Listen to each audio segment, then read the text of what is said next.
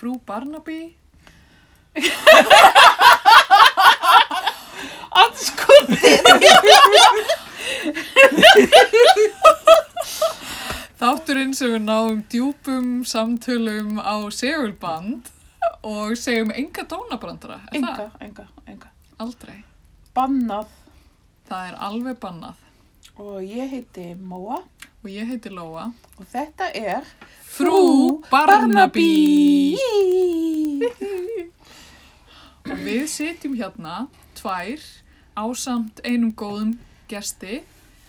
Við kallum hann Íslandsvinnur. Nei, djók. Svona Lói Barnaby vinnur. Nei, Já, þú veist. já. Farfugl, Já, kannski. Um, hann hefur komið áður í þáttinn. Hann hefur gert það og síðast þegar við fengum hann í þáttinn þá vorum við svona svolítið að tala um Rússland og, og svona Rússland kommunismans og svona proletariatinn. Já, það sprengdi allar hlustindatölur bara, Af- bara through the roof. Ég var að segja ég hef sjaldan fengið mörg hrós fyrir þátt. Já, ég er sammála. Það var fleiri en eitt sagt bara þetta var virkilega góðu þáttur. Já, Svona og svona hinn- áhugaverður. Já, svona eins og hinnir þættinir okkar væru það ekki. Já, Þannig að ég veit ekki, sérstaklega áhugaverður kannski. þannig ég veit ekki alveg hvað skal segjast Nei, nei, við tökum því bara venjulega. með það. Nú mikið pressa að halda dampi. Já, það þarf að halda dampi ekkert minn og hérna, Ta-ra-ta-ta! Nei. Býtti nú við, við hljóttum að vera með eitthvað. Já, bara svona. Og í þættinu er Eggert Kristjánsson, Dalamaður. Og heimsborgari. Já, Takk fyrir, takk fyrir. Og uh, að þessu sinni er, uh, það er komin annar í ekkerti. Við ætlum að tala við þig tvisvar. Hvernig líður þið með það? Herru, ég er bara rosa glaður. Mjög spenntur. Þú hefur bara svo margt uh, fram að færa. Jú, ég veit að þetta er næstu í fæðingagalli. við náttúrulega náðum ekki, við náðum ekki að fara yfir allt sviðið síðast. Nei, nei, Eða bara mjög langt frá því. Nei. engan veginn. Nú erum við búin að hella upp á te Mm í stúdíu Barnaby. Já. Þetta er konu te. Já, við ákvæmum að leifa Eggerti að bara það konuti. Hvernig finnst þér? Herru, þessi forborni mjöður er bara ljómandi góður. Ok. Ég, hann er svolítið frúti. Já, það er ekkert fíla það. Já, Já. Þess vegna hugsaði ég strax. eins og mínir menn eru kallaðir, tutti frutti. Þínir liðsmenn. Jú, mikið rétt, mikið rétt. Já. Já, womankind te. Já, Ég er stoltið að, að hérna, te heita oft hvað bragðir að þeim en svo er bara svona konu te. Já, þetta er sko ný, nýjar típur, það voru alveg þrjár nýjar típur og, og ég veit ekki hvort þú eða þið vitið það, en ég er svolítið gjörn og falla fyrir hlutum sem er bleikir á litin Ég veit það. og það, og þú veist, það voru alveg þrýr, þrjú ný, nýbrögð hjá Púka og það var eitt var womankind, eitthvað var eitthvað annað woman Mm. og eitthvað annað woman og ég hugsaði bara ok, ég pröfa þetta fyrst og svo fer ég hinn. mm. En púkateðin eru hérna mjög góð, finnst mér svona, Já. allir jafna. Já. Mér Já, finnst þau mjög góð. Hvað Sko. einhvern gefur þeim? Þú púkar upp á þau? Ég er púkum á þau. Oh my god, ég ætla ekki og að hlæja þessu á slílu. Erðu það er einmitt geggjaður gluggi, útsýnisgluggi í hérna Ediborg, einhver svona lítil búð, þar sem er öll púkabröðin, bara sem þú getur ímyndaðir. Ok, Það er að segja fucking Já, ég, ég er smittast á lingunum á heimilinu, en já, það eru bara öll bröð. Eru, eru þau mörg? Þeir eru skriljón. Ok. Þannig það er kannski bara eitthvað brota brot sem er til hérna á Íslandi. En við fáum ekki neitt af þessu. nei, ég held að það sé ekki nógu mikið um tétrekju í Íslandi til þess að það geti verið svona mikil sérhæfning. Nei. Ég man eftir einu sérstöku púkategi sem að uh, ég fór með fjölskyldunum minni í Flatey Já. og ég man ekki hvort það var áður en við fórum í bátinn í Flatey ég, e- eða eftir hvort þetta var í Flatey eða hinn minn en hérna en þá settust við neður á kaffehús og þá var púkategi í bóði sem var sko English breakfast held ég með lavender. Mm. það var rosalega gott. Þetta er svona tólti ljúf minning sko. Já. teminning Mm. eða hvort það var Earl Grey kannski. Það var alltaf svart te með lavender. Ok, mjög svona fjólblótt á bræðið eitthvað. Gott gaman þegar lífið kemur svona skemmtilega óvart. já, Já, það er einmitt það það er svo erfitt þegar maður er að panta te og svo, þú veist, svo er eina teið sem er til er bara eitthvað Melroses já, en það er líka bara, er undar ógislega gott. nei, Er það ekki? Mér finnst það gott. já, Hér, um, ég fekk ekkert tíma Melroses upp á fjallum mm. með vodka.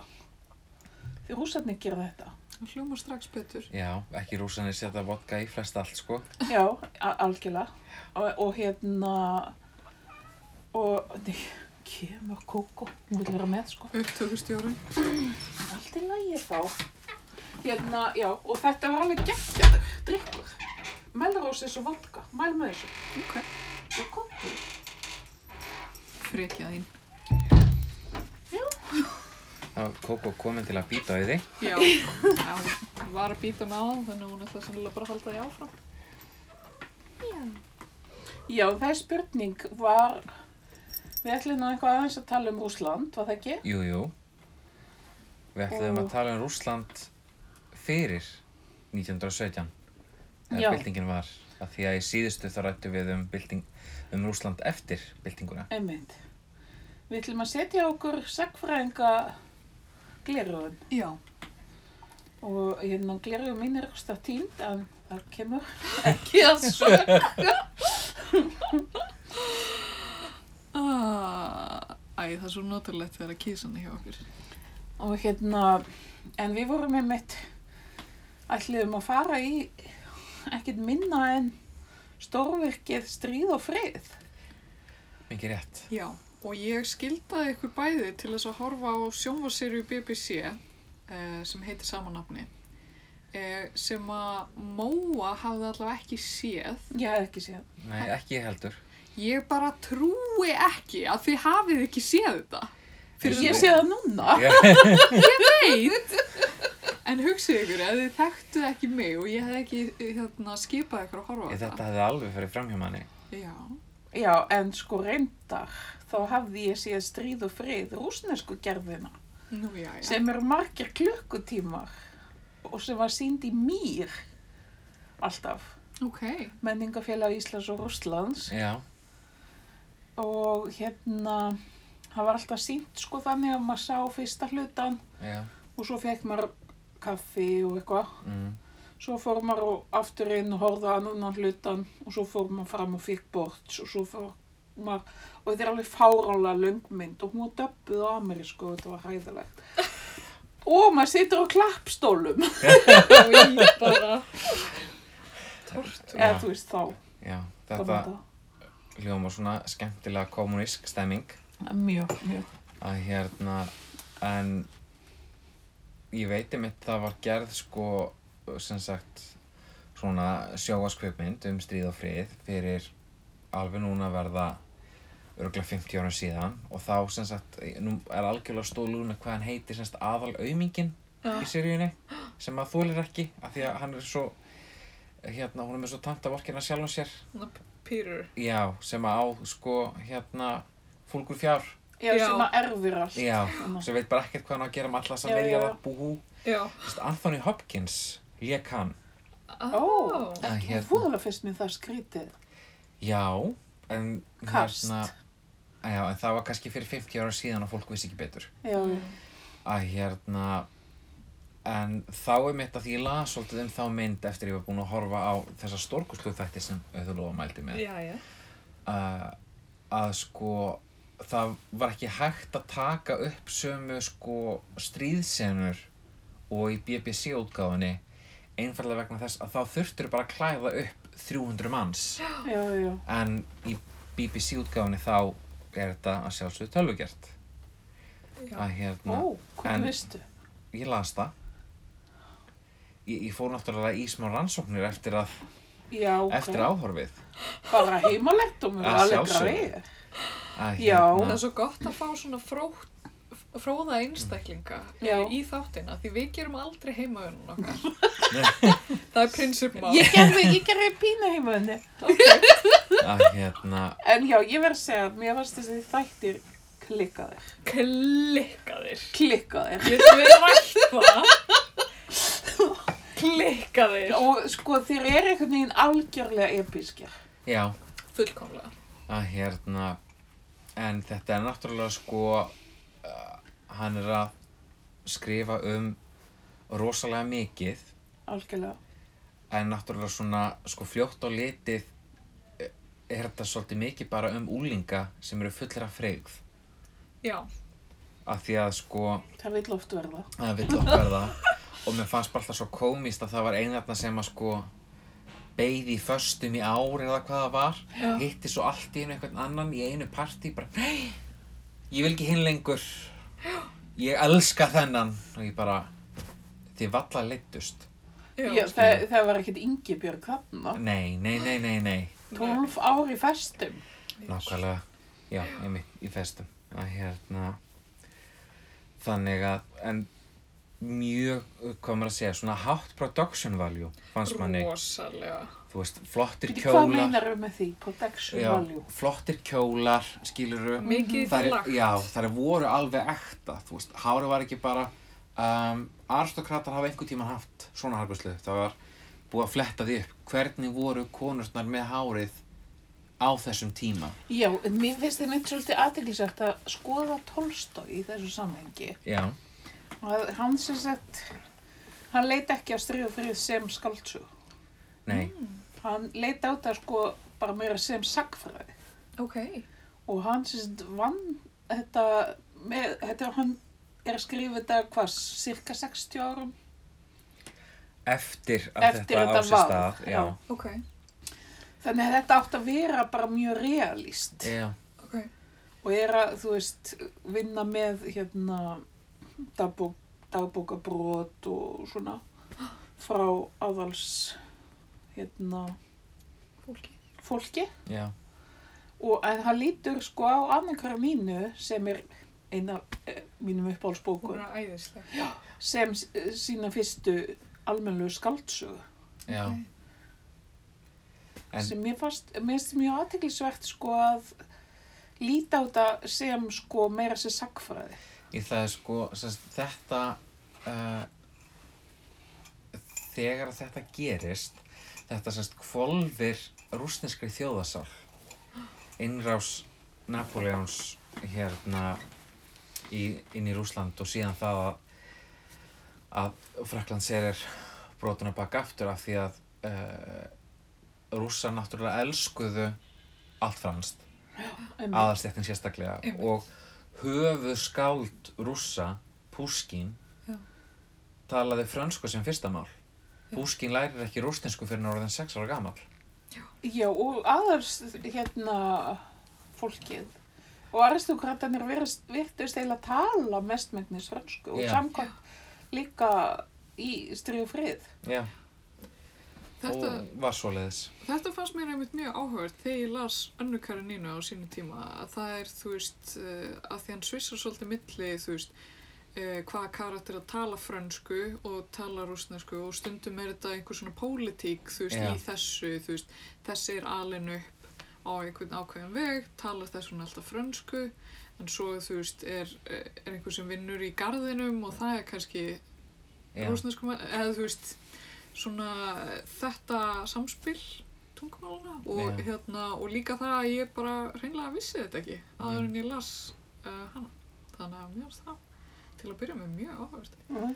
en það var líka sko semst, það var mjög mikið um það í Rúslandi þegar að svona þjóðverðnistefnan er að verða til og allir þessu romantík að sko uh, og en að kommunismin verður til sem svona stefna að þá sko voru menn að segja að bændur væru hinn rúsneska þjóðasal Já, skilur, og ef þú ætlaðir að kynna og það var svo mikið mál fyrir einmitt aristokrautunum sem að voru bara búin að alast upp í allt, allt öðru umhverfi Já. að þau vildu svo mikið leita til bænda já, til þess að svona kynnast upp og nýtt hvað það er að vera rússi.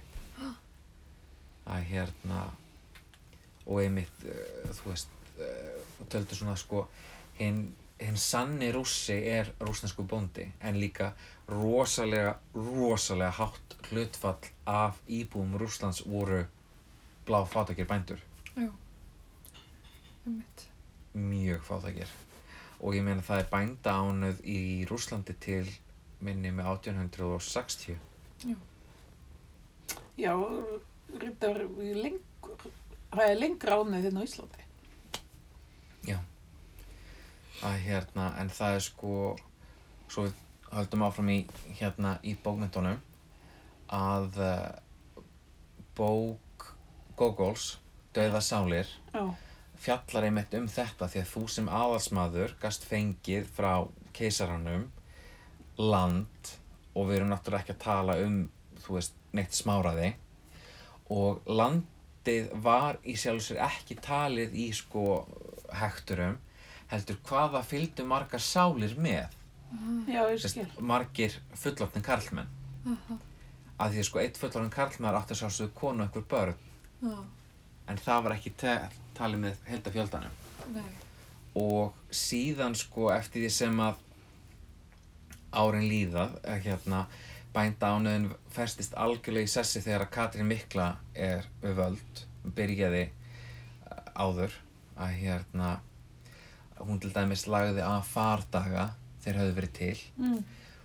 mm, og þá svo sest, árin líða og hérna og til dæmis Pétur Mikli kemur því á að aðalsmenn geta fengið sko engarétt þótt engarétt á vodkasölunni hérna þótt engarétt á tesölu þannig menn högnuðust gífulega síðan ef að þú áttir nokkur þúsund sálir og fullt af peningum þá til dæmis tókstu bara frá 50 menn uh, reðstir kennara frá Fraklandi eða Ítalíu og lést kenna þeim að vera þeir voru bara þín sinfónía enga sinfónía já, skilur, ef þú vildir eh, fá einhverja nýja yðin eða einhverja nýja hæfileika þá oft gastu bara fengið einhvern kennara sem að kendi sko í raun og veru bara þrælunum þínum. Já. þetta var ekkert annað. En þú sagði fardagar Já. uh, aðan, hvað, það voru sem sagt vissir dagar á ári þar sem þú máttir fara af uh, landinu sem þú varst a- annars bundin og leita eitthvað an annað Já. en Katrín Mikla tók alveg fyrir það ok, Sem sagt svona vistarband eða Já. svoleiðis, já. ok, En já, hvað finnst ykkur um leikarana þarna í, í sjónastættinu, já, ég er rosalega hrifin af henni Maríu, þarna. Rostov, þarna. já, hún er æði, hún Hví- líka, Hvað hefur hún leikið meira? hún var líka í Downton Abbey, Já, Já. hún var aðna já, já, já, já, Manstu, sem var á ástfanginu af svörtumanni. já, já, já, já. Já, hún leikur bara svona mannesku sem gera skandala Já, eða manneski sem er í síðan kjólum. S- Með mikla tilfinningar. að mér varst líka hérna hún Gillian Anderson sem að lék Margaret Thatcher í Ó, The Crown sem lék þarna sem sagt hefðardömu í, í er æðisleg. sem að hér þá Petrograd æðisleg.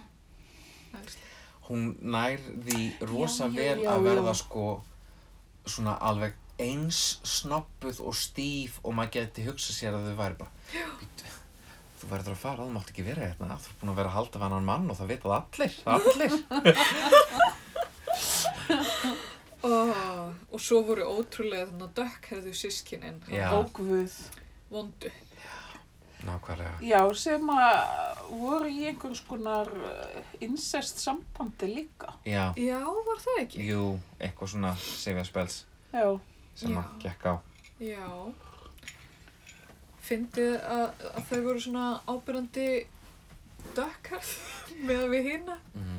En það var semst, þegar þú settur okkur þetta fyrir, þá horfði ég þetta á allt saman og ég man alltaf eftir þættinu þar sem að sem sagt sonurinn, maður ekki lengur eftir nafnið, uh, tapaði töluverðir fjárhæð Já, í hérna í fjárhættuspili og ég reiknaði semst út hvað þetta var af því þú veist, ef maður segir uh, þúsund rúblur skilur á þeim tíma maður hefur ekkert verskinn á það. En þetta voru sko einhverja 50 miljónir ok. Og þú veist, alveg svo þegar að pappans gefur honum vasapenning sem á endast honum eitthvað, þú veist, fram Já. á haust Já, þú veist, það voru einhverja 20 miljónir Já, ok. bara til merkis um hvað þetta fólk átti rosalegar fjárhæðir. Já, Já, og þau, þarna fjölskyldan eiginlega er nánast komin götuna. Já, þegar þau þurfa öll að vera bara einn herbergi og þetta er alveg ríkaleg sár á, eða svona blíðunar algjörlega. Og ég meina þið sjáu þetta er fólk sem að sko heldur út í húsi í Santi Pétursborg öðru húsi í Moskvu og einhverju svona gífilegum hefðagarði út á landi. Já. Með fólki og öllu. með fólki og öllu sko. Að hérna og þetta er bara sko þú veist absúrt þegar maður hugsaður um peningana sem fóru bara svona. Já. En svo er líka svo endalaust áhugavert, þú veist, eins og með þetta fólk, karakterina í þessu hérna, stríðufriði eða bara Downton Abbey eða, eða hvað sem það er. Þú veist, þetta hefðar fólk, hvað er það að gera já, allan daginn? Og þú veist, það er aðal intríkið ábyggilega, þú veist, þess vegna er til svona mikið sjónvasefni og þú veist, bókmettir og þetta. Þú veist, hvað eru þau að gera annað en að, þú veist, myrða hvert annað og halda framhjá og eitthvað? Sko, einhver sagði, eh, var það kannski þarna ilmurum, það, eh, þú veist, eins og þarna í Já. það hefði verið alveg hryllileg lykt þarna. Já, ég, þegar að vessalir eru byggðir er gett ráð fyrir salernum? Einhvern tíma las ég að það hef ekki verið Nei, þannig nei, það er bara, fólk er bara að fara þarna bak við gardínarnar og eitthvað svona. mm já, Ég held að þetta er til dæmis eitthvað sem að kemst ekki gegn. í bókmyndunum. Í, í, í, þú veist, þú veist, þetta er ekki svona reality show um, nei, um hérna þessa Nei. tíma. Nei, Að til dæmis það, þú veist, fólk var ekkert að bla, baða sín eitt mjög mikið. Það var bara Nei. púraði yfir helstu skellurnar. já, og Þú veist, og hárkollurnar, eða þú veist, eða það var í tísku. já. Ítla, ilmandi, eitthvað. já, og ylvötn yfir. En það er nefnilega sem sagt það er hefð fyrir því í Rúslandi eins og í Fjölland að fara í sánu Já. og sem sagt hinn almenni rússi var almennt svona ég segi nú kannski ekki að hann hafi verið þrifa legur Mm. dagstaglega en hann fór oftar í bað heldur en sko hefðafólkið Já. Ok, af því að það allavega eins og í borgunum voru baðhús út um allt já, og þetta er alveg ennþá svona sem sagt hefð fyrir því að þú leigir þér bönju já, og ert að skóla þig og situr í hitanum og Ok, banja heitir það. Ég ætlaði, sko, ég var einmitt að hugsa um viðtalið við og var, ætlaði að fara að spurja þig um svona public baths í hérna Rúslandi. Hvernig, þú veist, hefur þú farið í svona? Já. Hvernig er fyrirkomulagi? Viltu lýsa því fyrir okkur? uh, í borgum Mm. þá er, er það kynjaskiptar Ok, uh, og hérna og í raun og veru er þetta bara sem sagt uh, sturtuklefi sánuklefi og heitur pottur. Ok, og þú getur svona róterað á milli eftir behag. Ok, að hérna og þú, þú leigir þér rýmið á einhverjum x tíma eða þú ert að fara með vinahópi.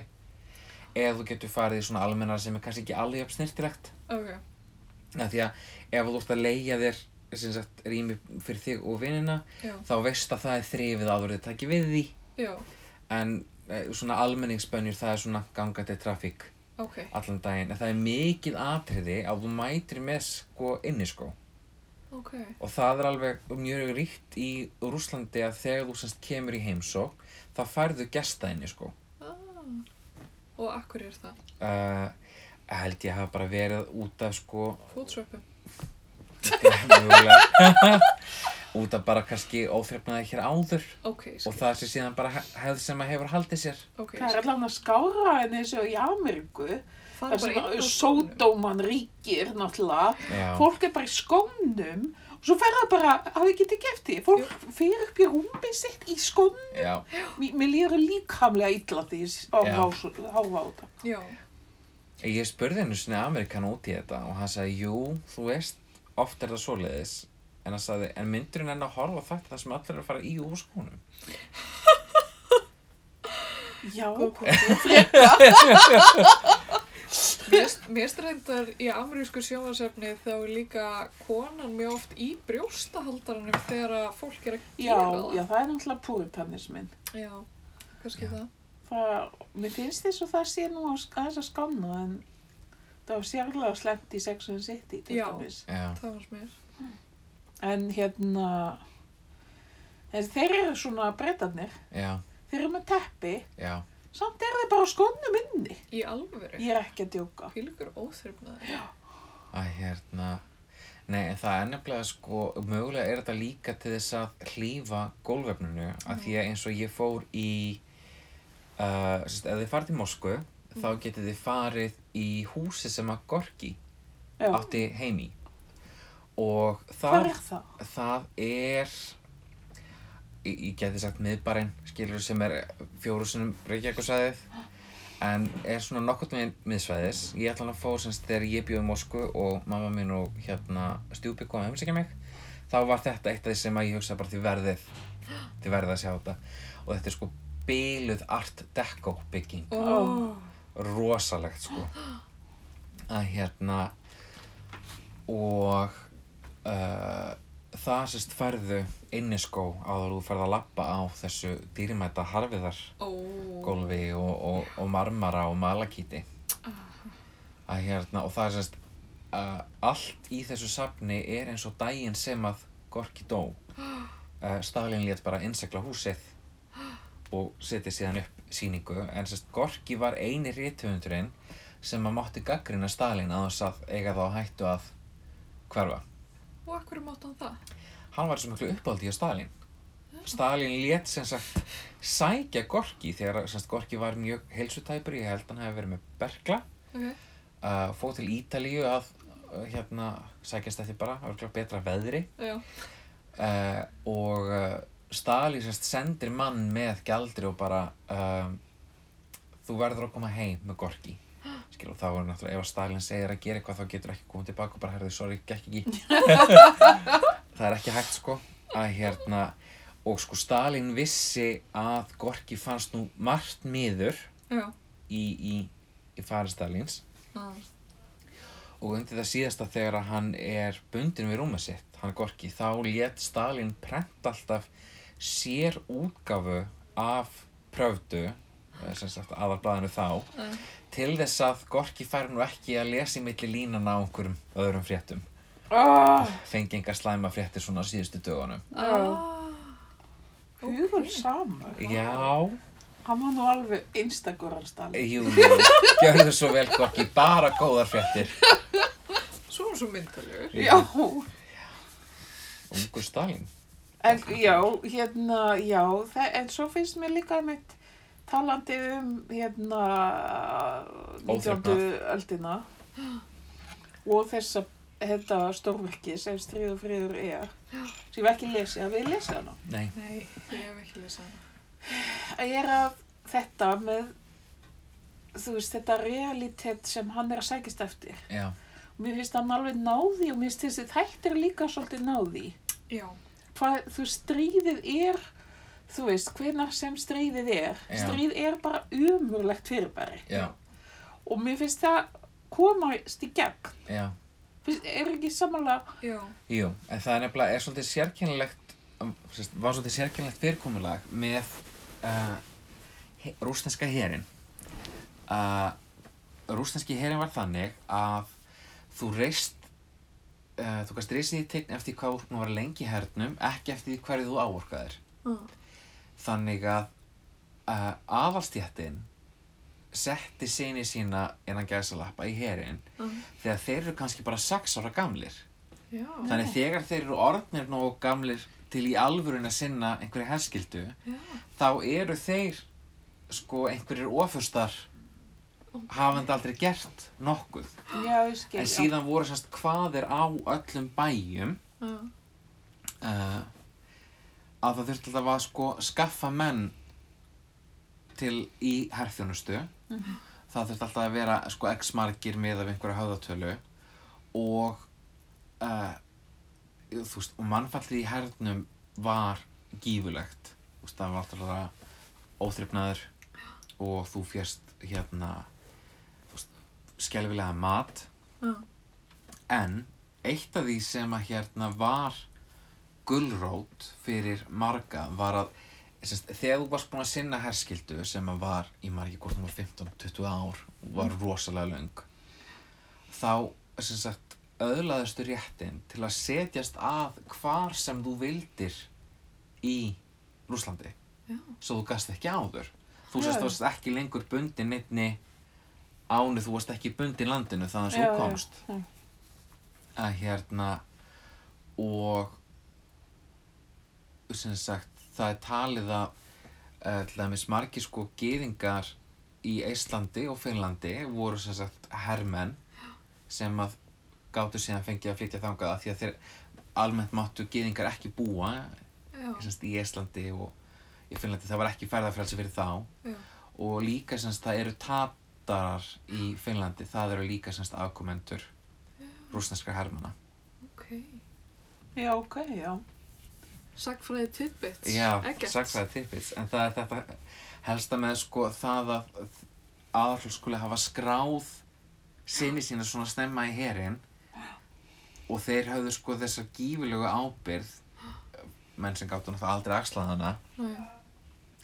þú veist, að senda aðra út í opnum döðan Mm og það er einhvern veginn svona sko hefð fyrir þessu eins og þið sjáuð þeim finnst fyrir neðan allar hellur í þáttunum býtu, þú veist, akkur við að spara mennina þetta er bara að taka slægin og það er bara einn hersengi sem að segir, herðu þú veist, við erum ekki að fara að senda menn út í opnum döðan Nei.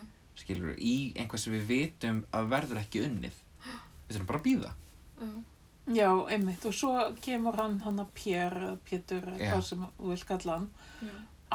Algjör asni já, og er bara eitthvað, já, mér langar að pröfa að vera í hernum. Já, og er eitthvað svo, Hann finnst mér, sko, mér finnst hann ekki, hérna, mér finnst hann ekkert rosalega gáfaður eða skemmtilegu karakter, en mér finnst hann eiginlega áhugaverðast að þróunin já, í bókinni er hjá honum af því að hann er algjörbjáni Já. og ótrúlega mikill svona, að hann er svo hrifnæmur. Og hérna og hann er sem sagt í byrjun bókar er hann bara einhvern veginn, þú veist eitthvað var hann ekki bastarður Jú. Jú, jú, jú. og svo, getur utan hjónaband sko já, og svo, svo erfir hann einhvern veginn fullt af peningum Mm. byrjar bara að djamma óksla mikið og er bara eitthvað í einhverju regli giftist hann á vondu systurinni jú, þarna jú, Já, og er að tala mikið fyrir því hvað Napoleon sé frábær. Já, Já. og hann er bara algjörlega bergnumin á Napoleon Já, og hérna, en hann er svona rosalega leitandi Já. alltaf og hann eiginlega drýfur söguþræðina einhverju leiti áfram að því að hann er svona, þú veist, hann er eh, í þessum drikkjuskap og hérna á þessum böllum og einhvern veginn e, hræðist um í þessari hérna innantómu aristokressu einhvern veginn, en svo er hann alltaf að leita að svona sínum æðri tilgangi að þú veist, hann hugsaður alltaf að ég hlýta að hafa einhvern tilgang hérna Já. og hann er alltaf einhvern veginn og þú veist, tilraunar hans eru ekkert endilega mjög uh, þú veist, vel hefnar heldur. og þú veist, hann er mitt fyrir herin svo er hann alltaf, uh, þú veist, er það ekki hann sem er alltaf að skrifa bók? Nei, það er í önnukarininu, fyrir ekki það. Hann er hann í, svo fer hann hann í Freemason. eða Já, já, er í fríbúrunum.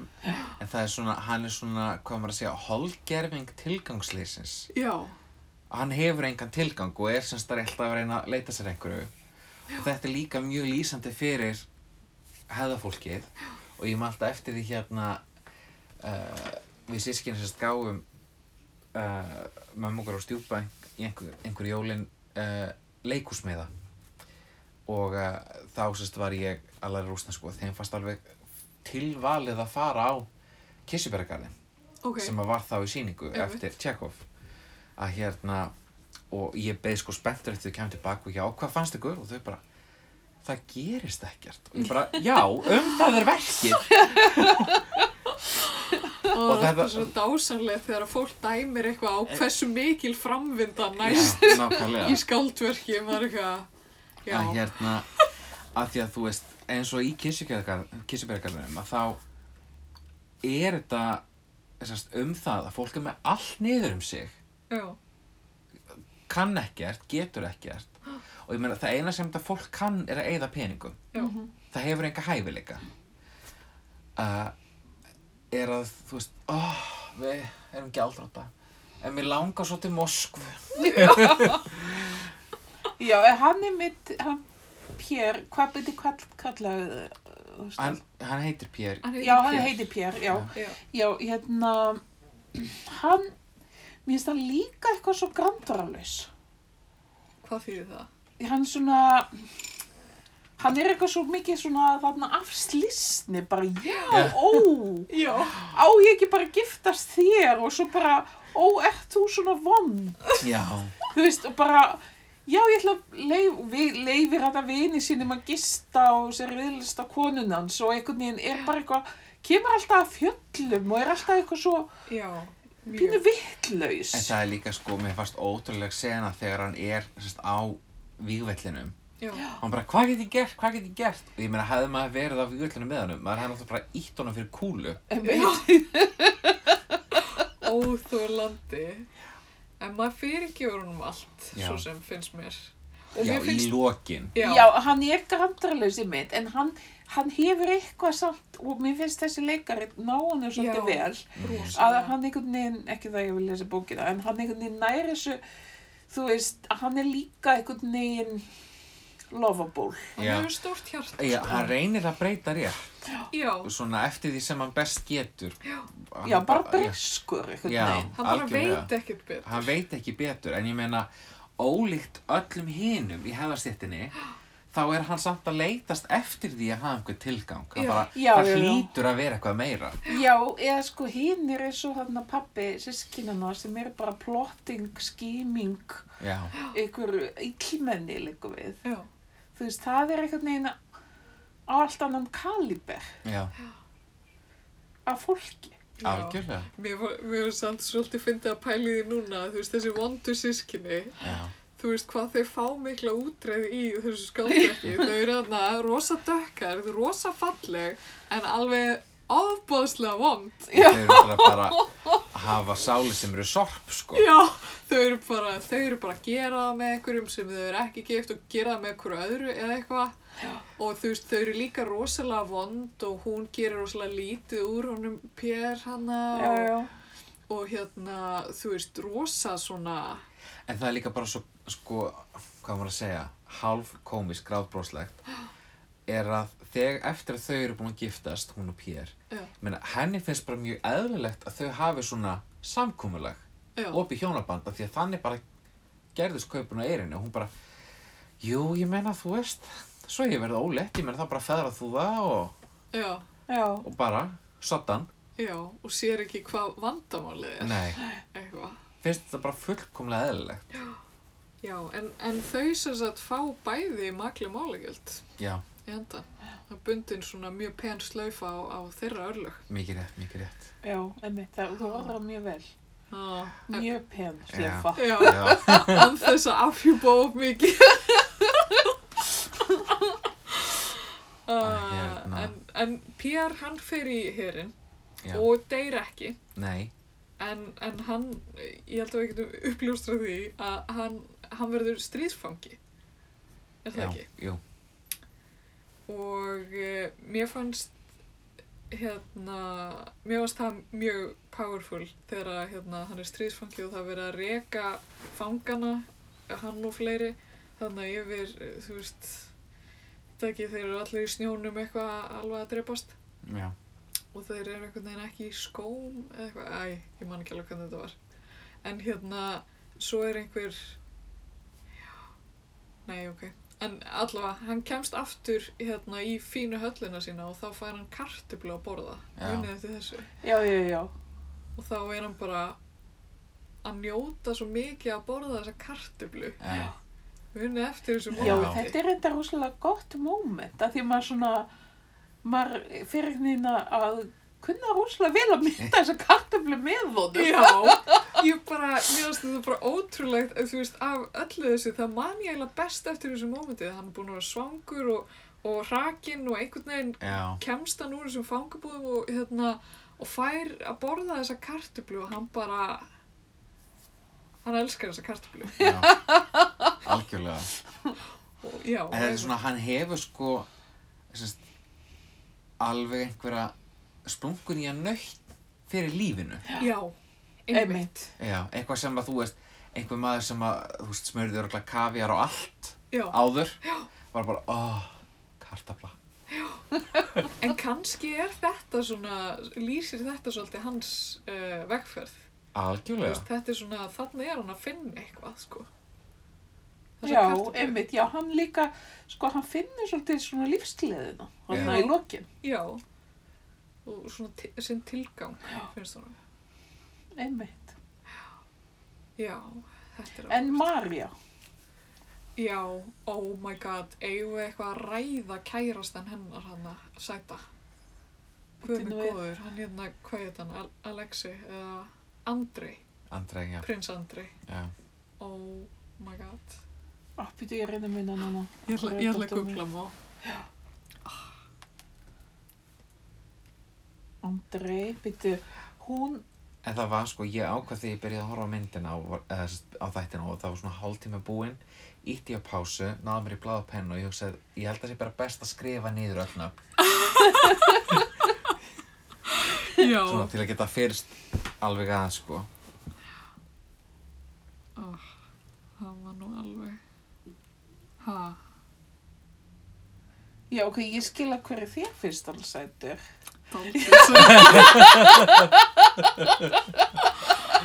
Það var náttúrulega spilt ekki fyrir að þessi leikari skildi vera þessi Andri. Ha, sjáðu hann í jakkanum sínum. Ha, Rosalegt. ég, ég var Ok. ekki eldri. Já. Það er nú smá stakkaður í honum, þessu. Já. Ég ætlaði mér að fara að segja að styttist ég að starki fá jakka.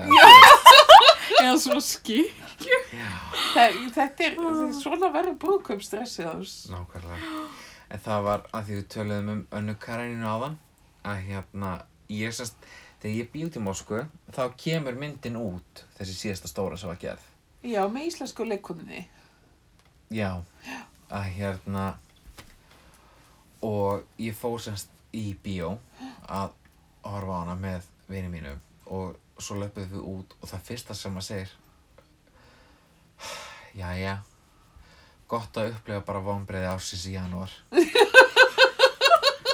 og síðan rættum við þessa myndíka þegar ég fó- fór í tím og ég spurði kennara minn hérna, já, hvað finnst þér? Og hún bara, já, aðarleikonan, hún er bara eins og rosalega vel klættur ískápur. Býtu, hver var aðar? Og hún hérna, Kira Knightley, Já. Já, ok, ég veit nákvæmlega hvað þú ert að tala um. að Já. hérna, og þú Maður veist, var eiginlega svolítið fegin þegar hún hoppaði fyrir lestina. Eða, já, að hérna, Það var ekki og góð. rússattin voru allir bara svona, oh, bara, Já, en það er einmitt það sem að kannski, það vantaði þetta rússneska disfunkt. Já, einmitt, ég ætla, að- ég ætla að segja að það, það vantar oft í þessa, þú veist, þætti eða sjónvarsmyndir eða hvað það er, Já, sem er fjallum Rússland. Fjall, það vantar finnst mér einmitt þessa ákveðni bara rúsnesku leikan. Já. Eða þú veist, hvað, hvernig segir maður þetta? Rúsnesku Já.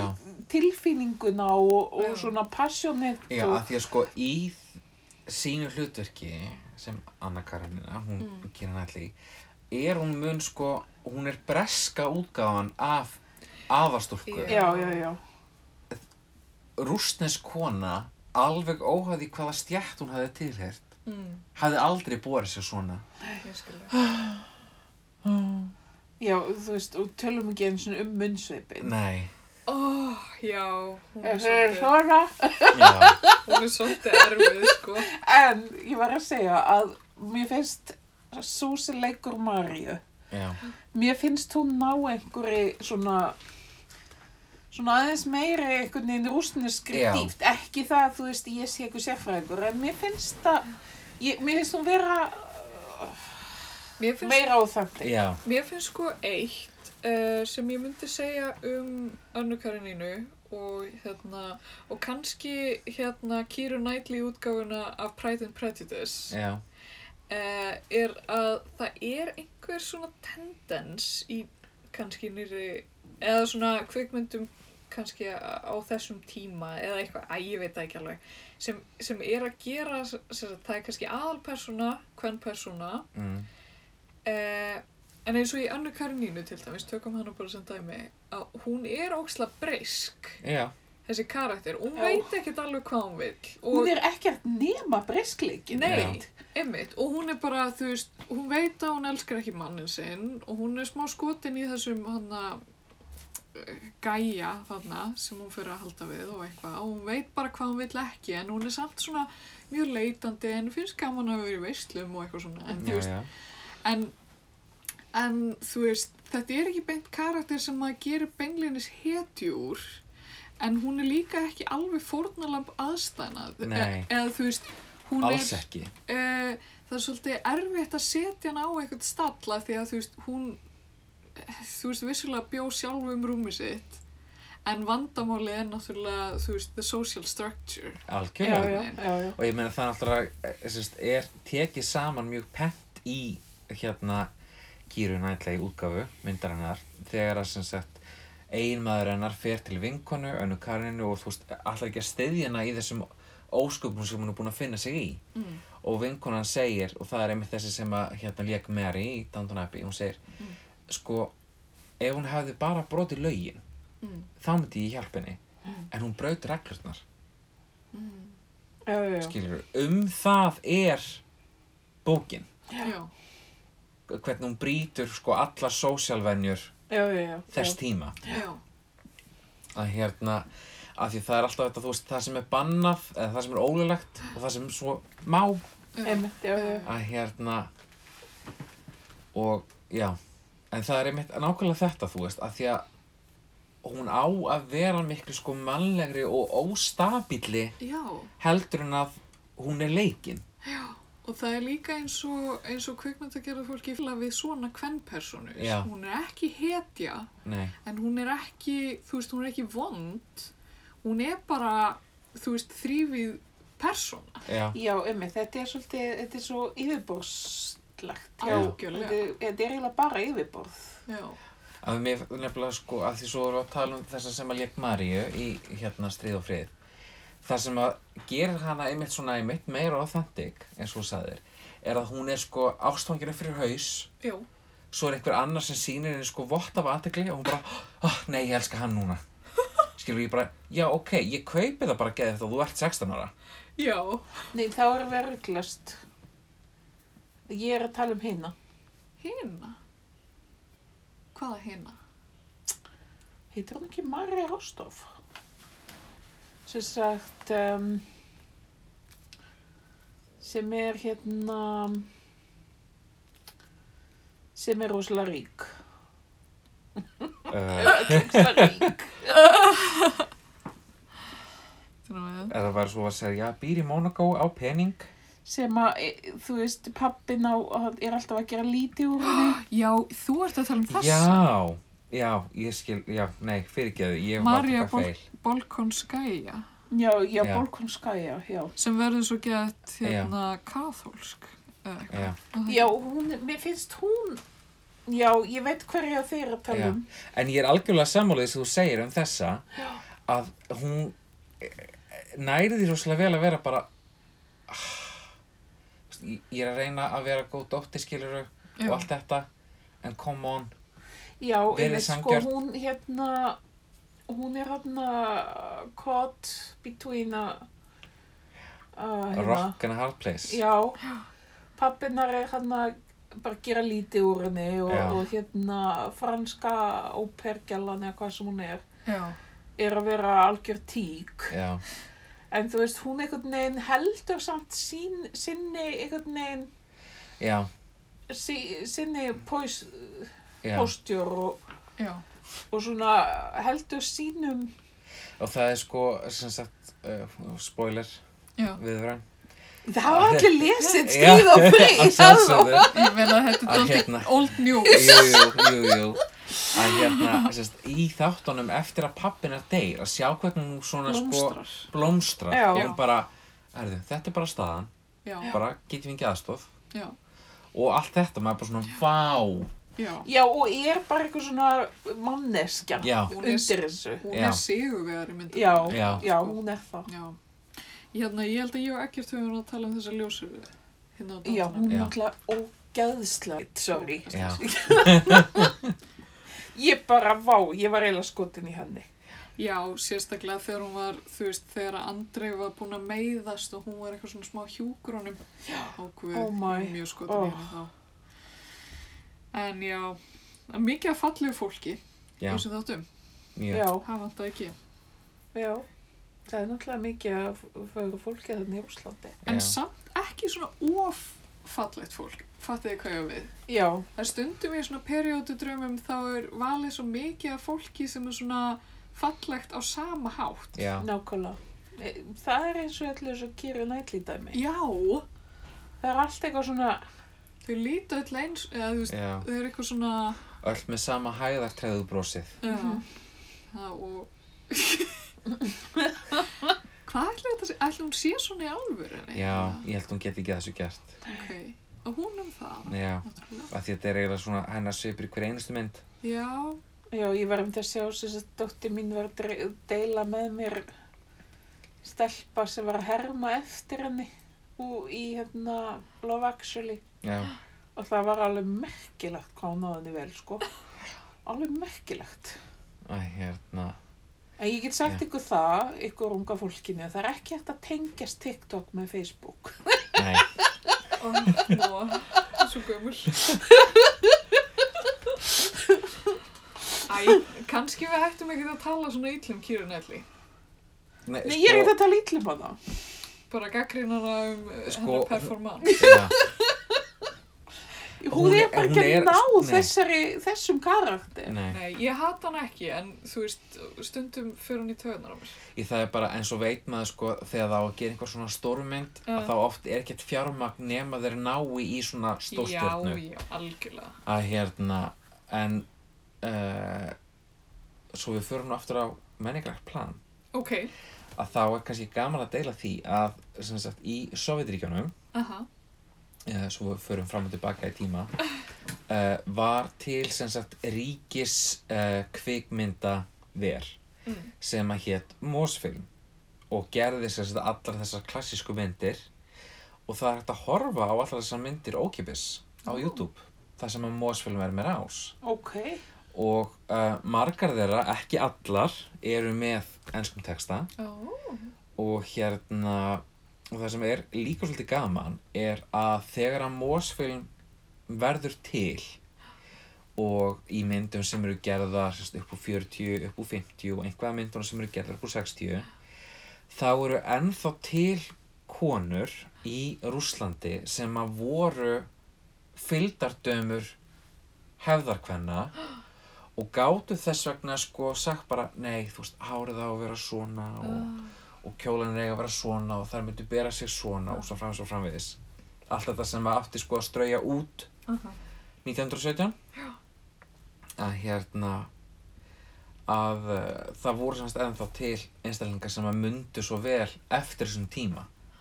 Já, emmitt. Og þetta er náttúrulega í rauninni bara fyrir eitthvað stutt síðan. Ég algjörlega var að, uh, eftir þess að þetta hafa hótt á Alnastri og fekk ég smá svona æði fyrir síðustu kesarfjölskyldinni, já, ó já, hósnesku. Það er ótrúlegt efni. ég já, er svolítið dottið í það líka, sko. Já, eða ekki? Sérstaklega, þú veist, út af því að, eða reyndar bara eftir að ég horfði á þess að þætti þá langaði mér svo mikið að fara til Rússlands í allar þessar hallir. já, Já. Uh, þú veist, eins og vetrarhöllin hann að taka upp í eða, eða þú veist, allir þessi salir þar sem allt er í gull og flúri og mér finnst það bara eitthvað þetta er náttúrulega styrlað Það er styrlun. já, en já, þessi síðasta keisarafjölskylda er náttúrulega Já, þetta er alveg stórmerkilegt hvernig bara heimsveldið fellur þarna. Já.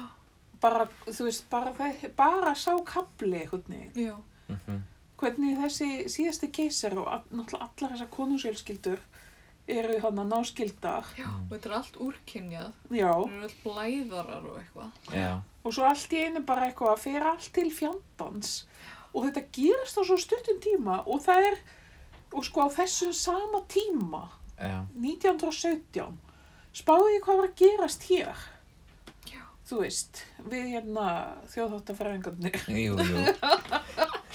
þú veist, það var dauði og fucking djöfull hérna. Já. Þú veist, fólk var gjörsala, ef það var ekki dáið úr kulda og vósbúð, þá var það að deyja úr leðdum. En sko, á sama tíma var ég að sjá myndir á þarna, ég held að það er open culture eða eitthvað, af síðasta ballinu sem var haldið Já. í keisarallinni. Þið kunnu nú að halda partíin. Oh my fucking god. Hér, þau heldur ball í, sem sagt, grímuball í alvöru fornbúningum. Já.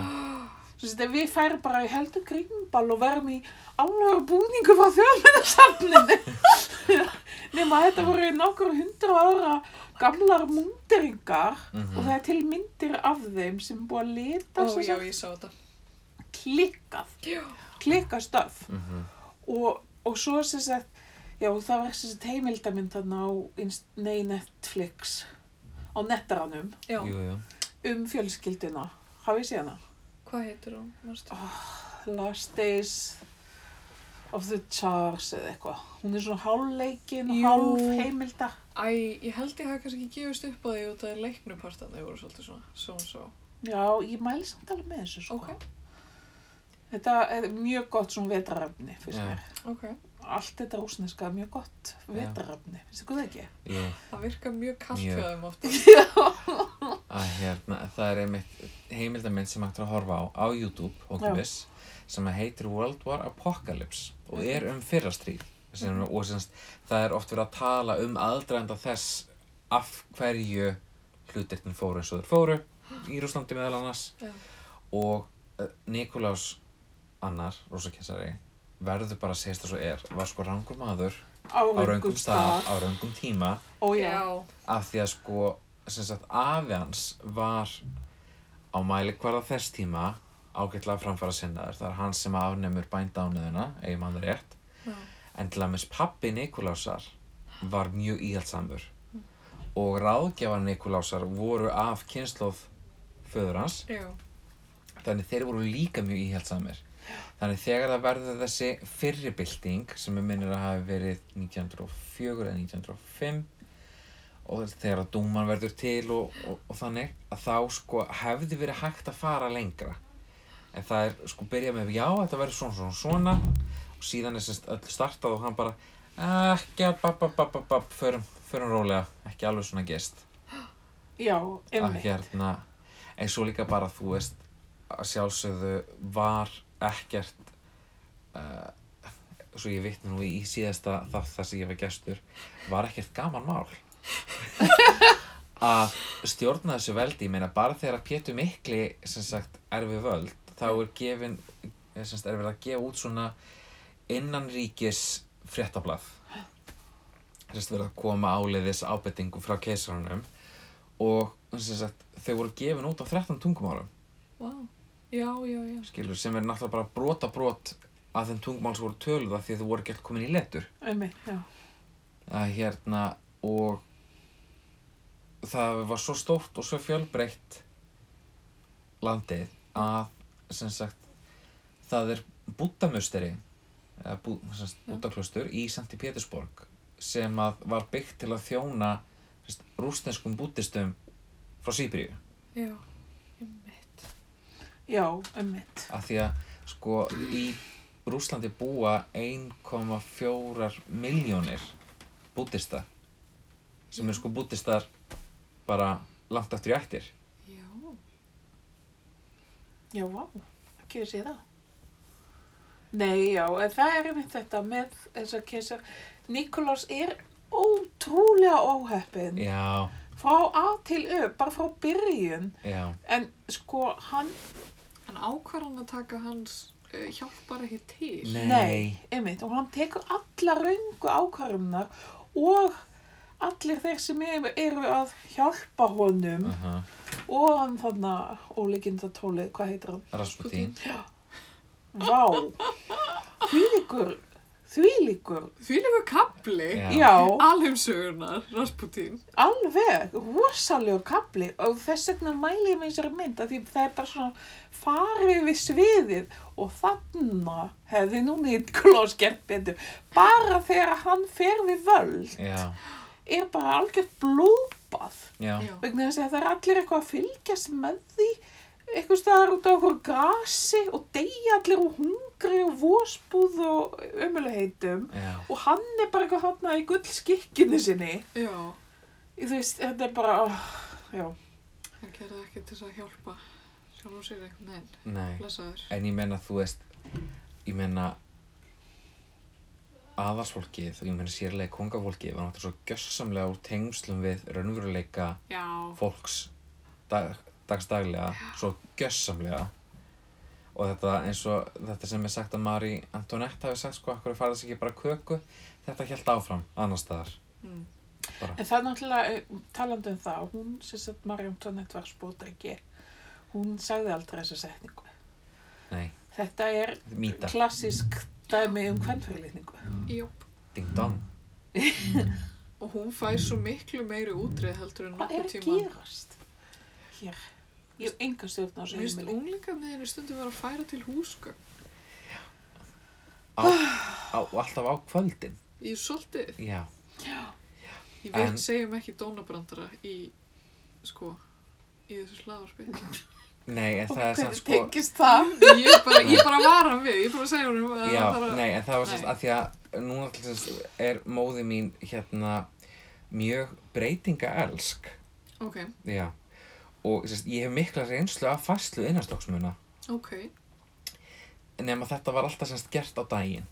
Ok, það var skilirði af því að Ó. kvöldin alltaf ég að fá að hafa frið. Ok. Ég Og- varst þú harstjórn á heimilinu? já, ég meina það sérst er sérstaklega hjá mömmu minni mjög eftirminnileg saga. Þegar hún kom einu sinni inn til mín uh, laðist í rúmið og ég var skrifborðið að læra. Og það kemur frá hún svona andvarp sem, getur bara komið frá þér eða átt börn. Og ég vissi strax hvað bjóð þar að baki og ég sagði bara nei. Bara, ég er ekki búin að segja neitt við því ég sagði þarf þess ekki, ég veit hvað það er að segja. Og þá sérst langaði henni til að breyta og ég sagði bara nei. Ég veit nákvæmlega, þú þarf ekki svona að segja mér hverju þú vilt breyta ég veit hvað það er, það gengur ekki upp. Ó, sko, því örlug að búa með nöyti í alvörni. ég, ég náttúrulega get ekki að því gert að vera svona vel gefin að, hér, Eða skrifaðu vera nöyt. Já, já. að hérna, og ég sagði bara þú mátt gera það sem þú vilt en ég ætla ekki að það stóði að hérna, og svo fór ég bara eitthvað út og kom aftur heim og hún var að sjálfsögðu búin að breyta, maður með hrútur að hérna, ég. þannig það skal, sama hvað Já, já. og ég segi, jæja, og hvað finnst þér? "Æ, Ég er nú ekki alveg nóg annað með þetta Oh my god. Amma, sem sagt, amma mín var svona mannskja og afi minn var mitt nöyt, hún var krabbi. Einhvern tímann kom hann heim úr vinnunni, þá var amma að ráðast á burðarvegg með sleggju. Oh my god. Aðtapna konar. Já.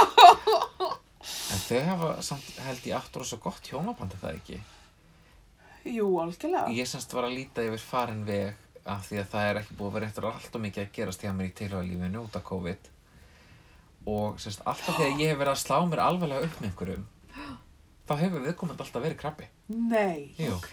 alltaf Og ég mæli með þessu. Kombói, sko. Já, Hérðu, er eitthvað hægt að vera með preferences á Tinder Gold?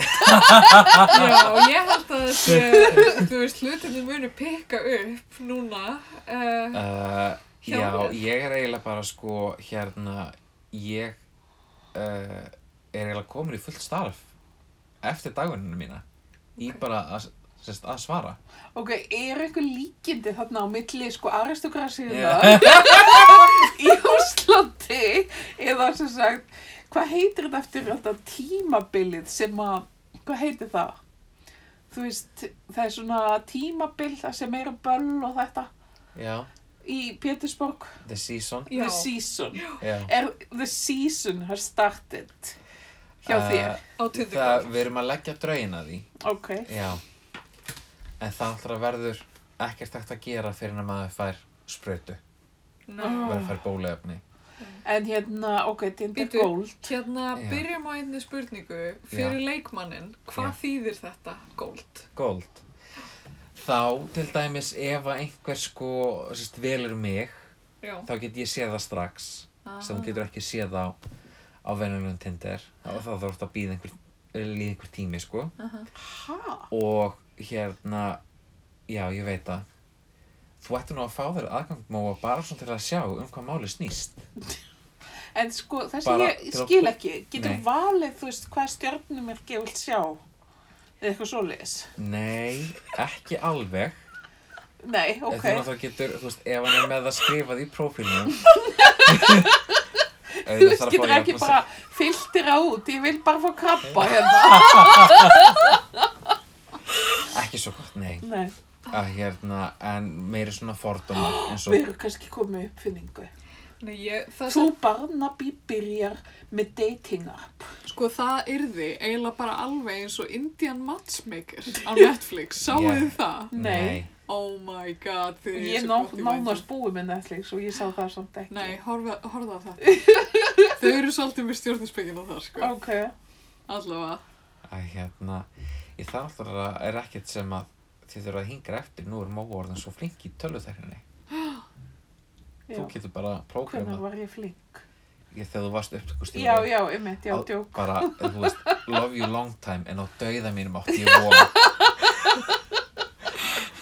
Tækni, já, kynsi. tæknikonan sjálf. Já, ég Nákvæmlega. bara skil ekki hvað ert að tala um.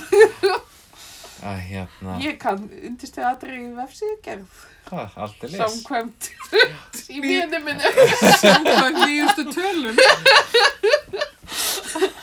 Já. Að hérna, en þetta er svona, semst, núna er aukið úrval Fyrir þig. fyrir mig, sko, og það er líka þegar, Aukið úrval. Já, til dæmis ef að þú ert bara með svona hérna um, basic aðgang Uh þá getur þú bara sérst valið x marga á sólarring -huh. skilur þú segir líka Það velvi er heftandi. Já. mjög Þú veist, hvernig tókst þeim að gera þetta kapitalist? Þú veist, finnst ykkur það ekki ljótt? Ástin, menur það? Já, Veit það ekki. já en hefur ekki ástin verið kapitalísk mjög lengi nei, nei. Við segjum nei við því. Elst, elsta starfsheiti er náttúrulega, eins og við allum veitum. Kapitalist. Já. Já. Við segjum ekki dónabátar hér. Nei, djók. Það er fólk sem selur ástir sínar. eða eins og það var orðað í einhverju grein á held ég knús mennskar vörur Ó, það hljóma ríkulega. já, alveg Það er verra. En ég sem sagt hefur mitt heyrt þessu flykt fram að sem sagt elsta starfsgrein heims sé sem sagt uh, Vændiskona. já vændiskona að hérna uh, sem ég finnst alltaf svo gildislaðið maður þurfa að finna einhverja svona góða íslenskun á sex worker Já, mér finnst nefnilega, ég var einmitt að hugsa þetta. já, ég Mér er nefnilega samt vændiskona með betra heldur en hitt. Já.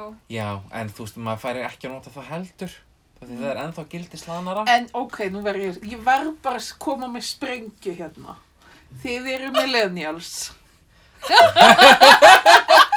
Er það sprengt? það, já, ég ætla að segja Já, ég nefnd að segja, þið eru millennials og mér er sagt að millennials sé viðkvæmasta kynnslóðin. Ég sagði þér það. Já, Í já. frú barna. oh my god. Og mér er sagt af mjög vitur í mannesku.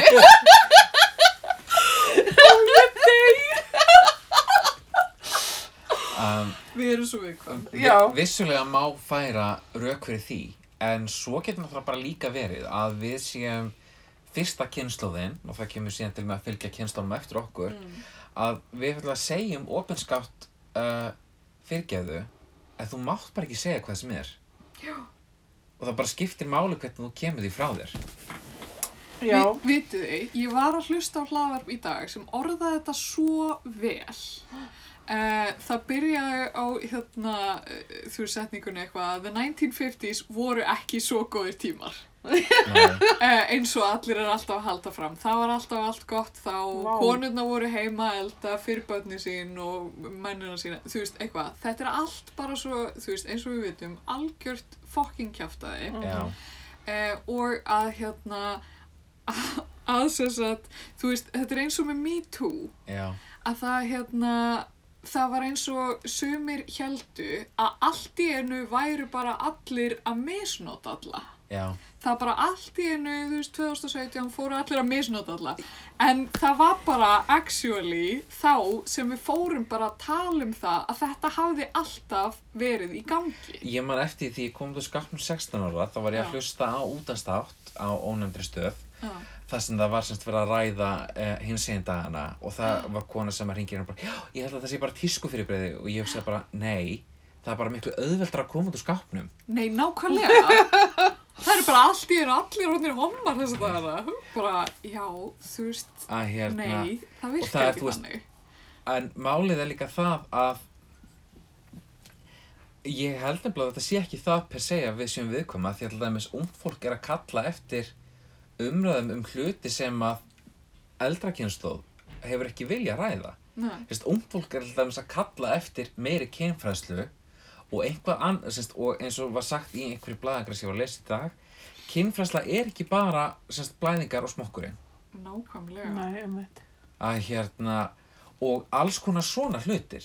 Og þú veist, jú, jú, vissulega hérna, uh, sem sagt, get, má alveg segja við séum viðkvæm, en við til dæmis bara vitum að það er ekki í lægi að nota hvaða orð sem er eftir því hvað alltaf dæmis hörunslít viðkomandi er með. Já, Nei, já, fullkomlega.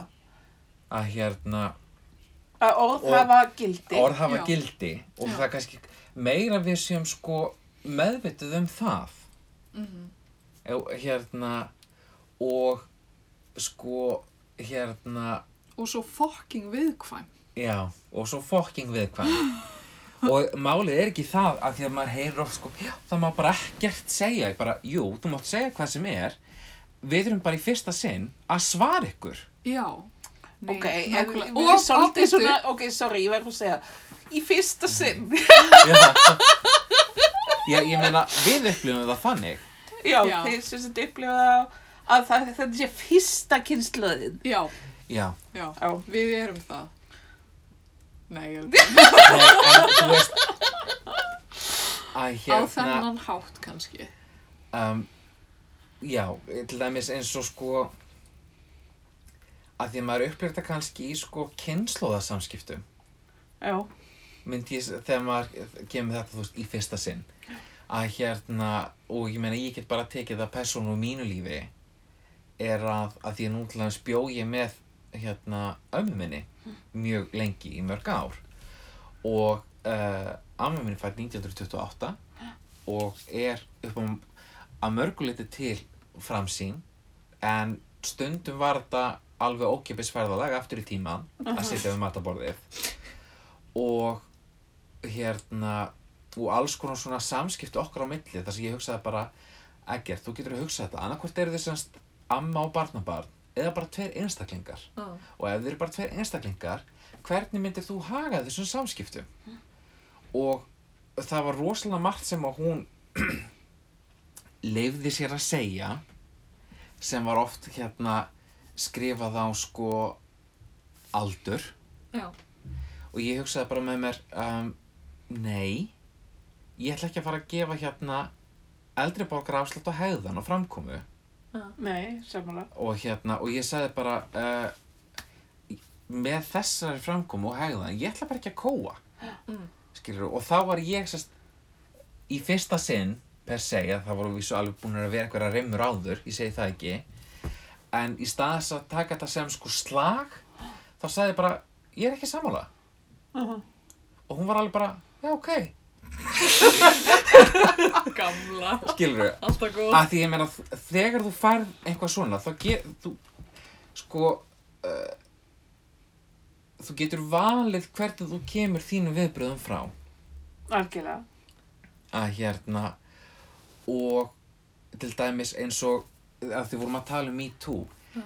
þetta er í sjálfsögðu ekki fyrsta sinn sem dæmi að konur stíga fram og segja Nei. það var brotið á okkur bara gífurlega á allan máta.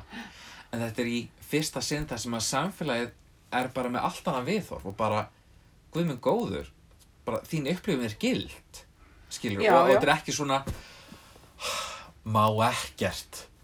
Ha, En ekki er þetta. svo mikið af þessu karakterum sem að ég veit ekki hvort ég að vera ég hef því miður vera á fórapiti internetsins undanfartan daga. Komandi kerfi Já, og það er svo mikið af þessum karakterum sem eru bara, sem eru svo mikið ennþá þar, Já. bara má ekkert, æ, ég, ég sagði nú þetta bara, ha, og því miður, kannski, er ek, ykkar kynsluð ekkert endilega saglaus Nei. í því. Nei, alls ekki. Það er alveg ofsalega mikið, þú veist, og alveg þangað til, þú veist, af fólki sem er bara ógeðslega miklir astnar Já, á, þú veist, og það er allt í einu, geta allir kommentað og það sem verra er, allir er að kommenta. þú veist, eins og þetta með bara þess að umölu skotárásir já, og ég bara, mér líður illa í hjartanu því ég les þessi komment já um að það sé bara allt í lægi að skjóta á bíl. Fjölskyldumanns í miðbænum. mhm, Já. mér, þú veist, ég bara, ég skil ekki hvað fólk getur, hvernig fólk getur verið svona, þú veist, þó þetta hefur verið Bjarni Ben, segjum Já. það, því ég er ekki sammála honum í pólitík. Já. segjum það hefur verið bílinn hans, ég væri jafn mikið Já. Já. Ég af þessum umurlega, bara, þetta er bara, mér finnst þetta já, ógeðslegt. þetta er skelving þetta er skelvilegt og ömurlegt og þú veist, einmitt eins og ég segi þegar ég segi að millennials séu viðkvæmir viðkvæmni er nefnilega eitthvað í mínum huga sem er jafnvel jákvætt. Já, algjörlega.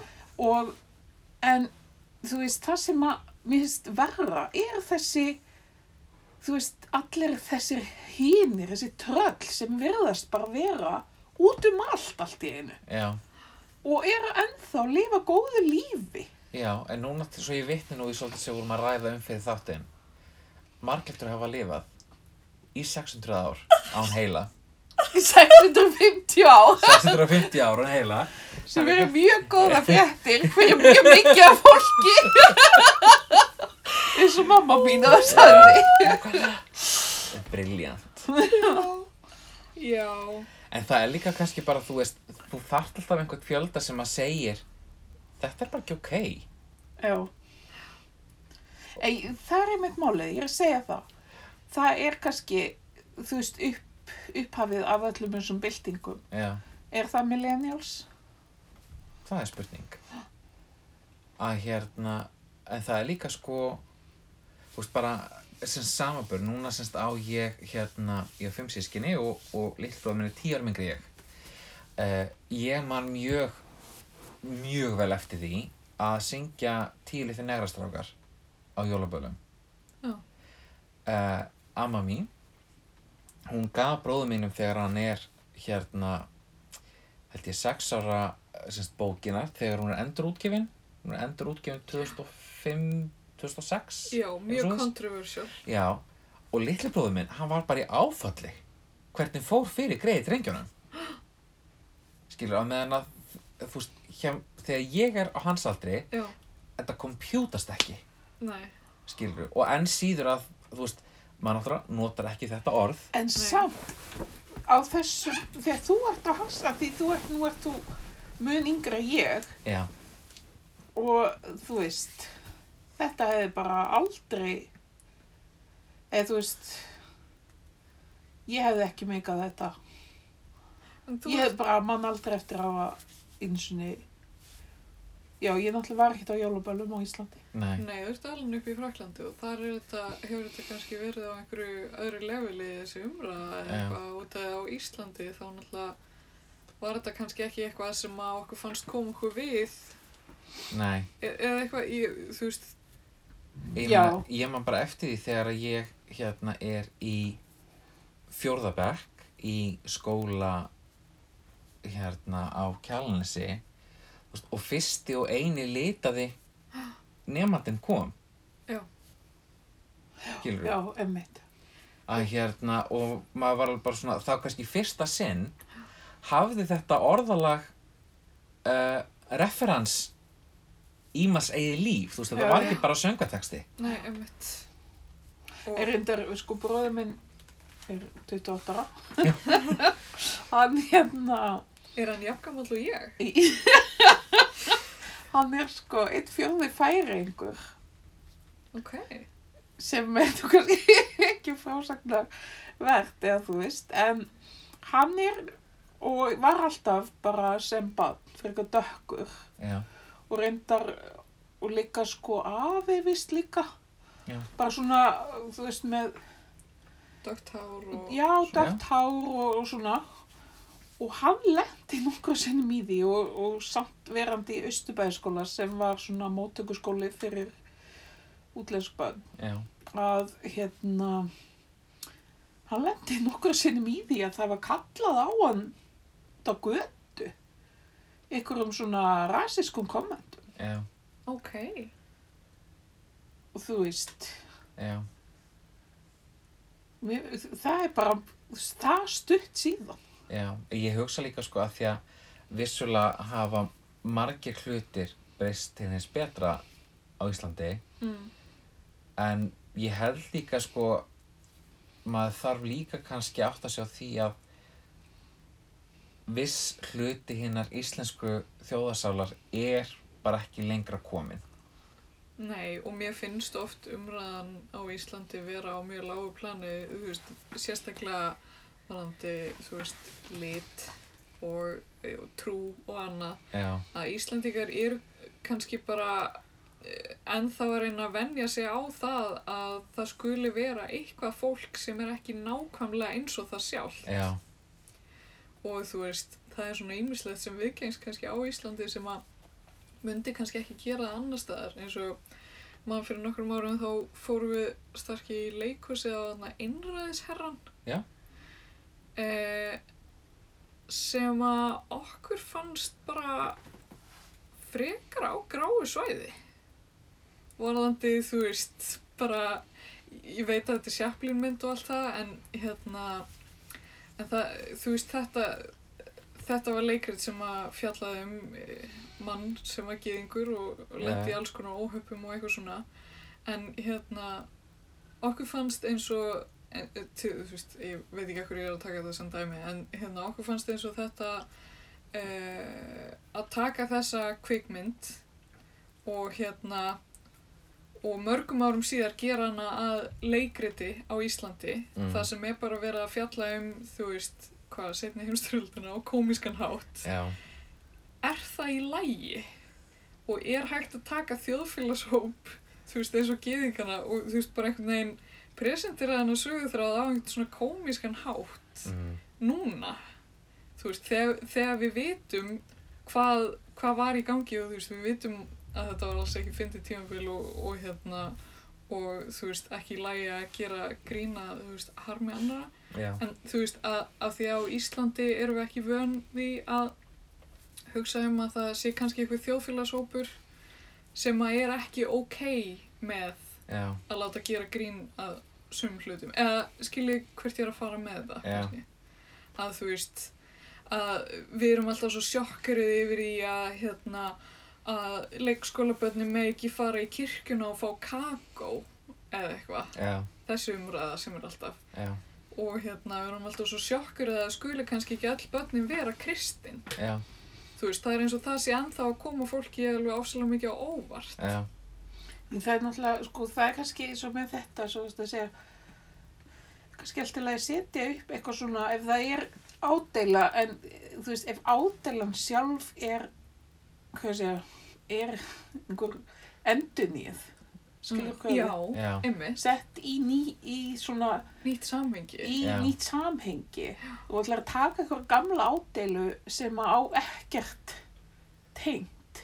Já, og þú veist, þá kannski missir þessi, hvað að segja, svarti húmor, Já, sinn húmor. já, nei, mér fannst það. Já, hann missir gildi sig. Já, Já, þú ert bara endur segja sögu einhvern veginn, eða, að ég veit það ekki. Einhvern veginn hefði mátt vera með einhvern svona mótin vingil eða eitthvað að þú veist, the benefit of hindsight. einhvern Já, veginn. Hefði geta komið inn einhver staðar þannig á, á leiðinni, sko. Að ég meina ádeiluverk eru örglega held ég nær undantekninglaust sko ádeila á sinn samtíma Mm. og það þarf einmitt að ná að yfirfæra það já, einmitt. en ekki bara taka sérst verk orð fyrir orð Þú getur og setja það upp þannig. þú verður að tólka það. Já. Já, sem, nákvæmlega sem minn á það ég horfði á hann að, oh, Já. uh, gamanleikrit, hann búin að stengla um hvað heitir allt í einu og uh, ég sá það sko fyrst í Þískalandi, í Berlín, Ok. á þísku Ok, og ég skil ekkert mjög mikið þísku. Nei. En vinnur okkar var að leggja þessu og þetta var svona út í garði og þetta var bara mjög fyndið. ok. Og hérna, nema svo var þetta sett upp í hinnu á háheilaga þjóðleikúsi og þetta, ég bara, mér stakk ekki brós. Já. Mér stakk ekki brós á heilri leiksýningu á komedíu. Já. Og það var einmitt, mér fannst þetta vera svolítið eitthvað svona Scandinavian tekur móljar. Þú veist, Scandinavian pain bara. Þú veist, bara, hérna setjum eitthvað smá IKEA í þetta og, Já. og hérna, og bara, og allt verður rosalega smart en það verður ekki fyndið. Nei. En Svona þú veist, Skandinúar. já, en þú veist, já, þannig að, já, Já. húmor er kannski eitthvað sem er mjög viðkvæmt. Já. Já, Það, já, Já. einmitt. Algjörlega. ég. Er mjög vel orðið komist. Húmor er mjög viðkvæmur. Og já, og húmórum mitt sem á að vera einhver ádela er kannski, já, Húmor er líka mjög mikilvægur, hefur okkur fundist. já, Já. sérstaklega hérna í frú Barnaby. Já. ég var einmitt að En ég meina, ég veit til dæmis eins og sko sovjískur húmor Já. er Og þarna endaði mjög abröfli viðtalið við hann ekkert, Já, einmitt. Kristjáns. Tæknikonan, hún er ekki alveg með þetta. Strikes again. Já. Hvað er aðeins þig? Það er bara nokkuð skemmtilegt, þetta er, maður veit aldrei á hverju maður á von. Nei, einmitt, já. En hérna... Það er svo eh, lífið bara. Frú Barnaby er svolítið eins og lífið. Já. Það er næsta setningin okkar. En hérna, takk ekkert kella fyrir að koma í Já, þáttinn. bara takk æðislega ekkert. Og hérna, og, og okkur langar að koma að því að, að hérna, það verður sem sagt líka gestur í næsta þætti, mjög góðu gestur, sem verður samt ekki ekkert. Ekki ekkert. Damn. en hérna, uh, já, og svo, svo er líka ammælisbað dagsins. Ammálsbadagsins og það er kindilmessa og það er hann Mattias. Og Mattías, við sendum þér góðar ammæliskveðjur. Mattias minn, kær ammálskveðja.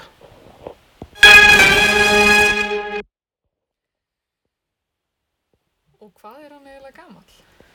Uh, Ég veit það ekki. ég held að segja 33, Ungur í anda, samt. mjög. Heyrðu, hérna, þá ætlum við bara að ljúka þessum þætti með eh, ljúfum tónum hljómsveitarinnar eh, Boney M. Þetta er, hérna, svolítið í takt við eh, umræðefni e, þáttarins. Þetta er líka af geisladisnum Daddy Cool, Very cool. þannig að e, við látum það bara spila okkur út á þessu sinni og bara takk fyrir okkur. Já, bye.